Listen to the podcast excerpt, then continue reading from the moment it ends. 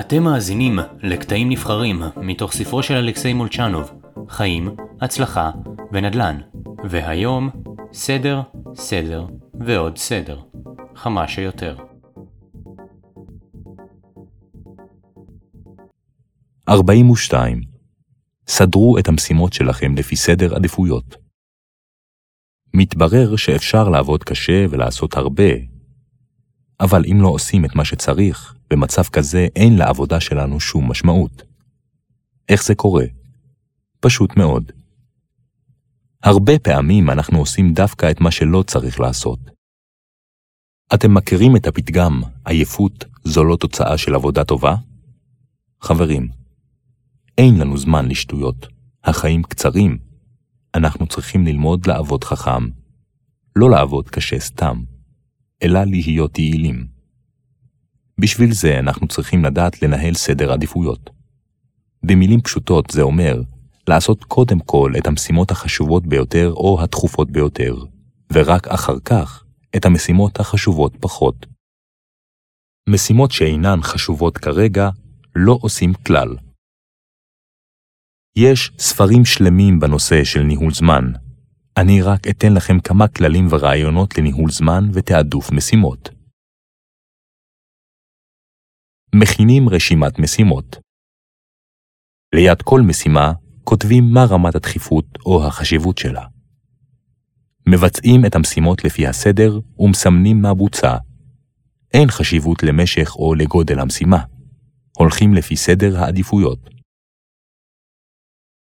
אנשים רבים נוטים לבצע ברשימת המשימות שלהם את מה שנראה להם הכי קל לביצוע או הכי מהר.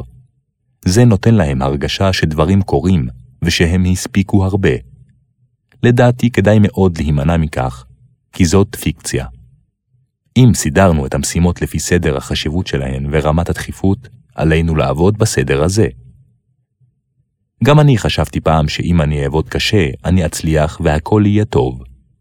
יכול להיות שזה נכון.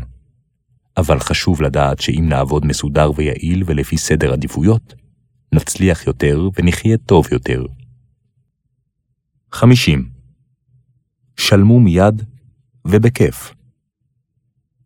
אני תמיד מתקשה להבין מדוע אנשים דוחים תשלומים, גם בלי סיבה אמיתית. אם התשלום דורש תזרים מזומנים, זה בסדר, אבל לדחות בשביל לדחות כי אפשר, את זה מעולם לא הצלחתי להבין. לכן אני ממליץ לכם בחום לא לעשות זאת. אם קיבלתם מוצר או שירות והחלטתם לשלם, למה לא לעשות את זה מיד וברוח טובה? כל דבר שאנחנו עושים בחיים, רצוי לעשות אותו בנועם וברוח טובה, או לא לעשות כלל. יחסים טובים בעסקים הם דבר חשוב מאין כמותו, וזה קריטי להצלחה שלכם כאנשי עסקים ובכלל.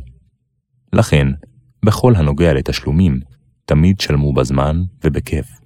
ואם אתם יכולים, אפילו הוסיפו מכתב תודה על השירות שקיבלתם. 51. תגבו מידע, כי מידע שווה הרבה כסף, ואף יותר מזה.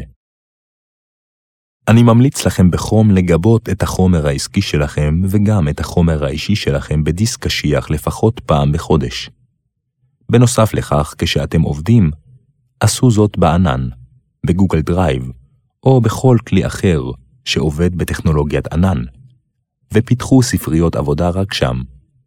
כך גם אם המחשב שלכם ילך לאיבוד, המידע שלכם יישאר בענן. אני כבר מזמן הבנתי שאם אני דואג לדברים שלי, הם נשמרים.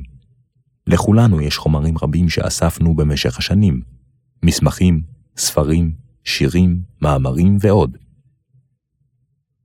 בנוסף לחומר של העסק או של העבודה, יש לנו הרבה חומר ששייך למשפחה.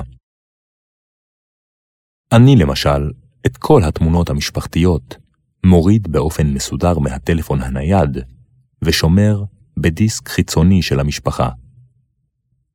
כי לתמונות האלה אין מחיר. הזמן עובר, והסיכון שהטלפון שלי יתקלקל הולך וגדל, וכך גם המחשב.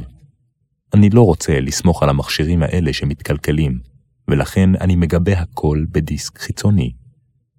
העלויות הן מינוריות, והרווח הוא אינסופי. רק תעשו את זה עכשיו, היום, לפני שיהיה מאוחר.